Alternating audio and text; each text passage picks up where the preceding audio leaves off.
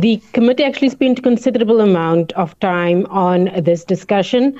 Uh, the bill was introduced to the committee by the police department last week, and um, they the committee then decided that they should look into what this is now parliamentary jargon and parliamentary speak um, the desirability vote on the desir- desirability of the bill and that basically just means whether or not they, as a committee, can continue with the um, with the bill as it is, whether it is desirable in its desirable form, if if the bill is in its desirable form which um, the opposition parties in the committee uh, today voted against. The ANC MPs voted in favor, and then we were actually, um, it was four ANC MPs voting in favor, four um, opposition parties voting in favor, and then the chairperson, newly elected today, following the death of uh, Tina Joemat Patterson, who used to chair the committee. Mm-hmm. Um, Albert Siabe is elected as the new chairperson today. He then had um, the final vote and obviously voted with the ANC MPs. So they are going ahead with processing this bill. The um, the issue or the concerns around the bill is that it is not constitutional. Mm-hmm. And this was raised by both um, the state law advisor and also Parliament's legal services during last week's uh, committee meeting, saying that they don't think that the bill. Um, meets constitutional muster. The aim of the bill is to strengthen the independence of IPID. And also going with that is the uh, appointment of the head of IPID. Yes. Now, um, the, the issue is if listeners will, rem- will remember, in 2016, there was a constitutional court uh, ruling with regard to this because the then Minister of Police had removed the then head of IPID, Robert McBride, at the time, but the court had ruled that it was unconstitutional and indicated um, undue influence. Mm-hmm. So the reason, partly why the, the bill needs to be um, amended is to rectify that.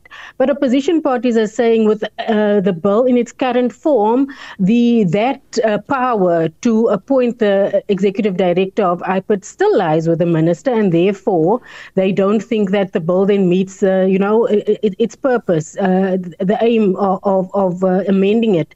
So that is what opposition parties have now raised, um, and also, you know, the issue of both the state law advisor and Parliament's legal uh, services saying we have big concerns about the constitutionality of this bill. Yeah. Yet, the okay.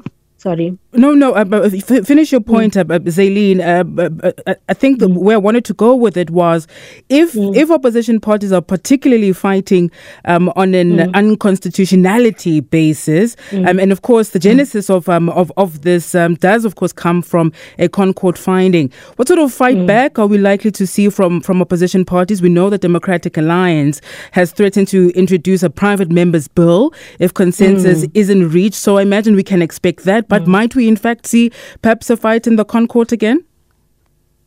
Look, it's not unlikely. Um, the other thing also is just looking at the um, the remainder of the uh, parliamentary term. Um, the issue is also that there is, uh, for instance, they must start with um, public participation. And um, the issue this morning raised was that if we continue with this bill, will there be enough um, time for proper and meaningful? Because uh, public participation must be meaningful. Yeah. Um, and uh, I, I, think that this morning they said that there would be about a week for public participation, which uh, Andrew Whitfield, for instance, from the DA, was saying that's not nearly enough time. Um, but the chairperson was then, uh, he then said, no, no, no, no, no. Um, and what I liked about the words that he used, he said, no, we are going to do things properly and by the book and within the law.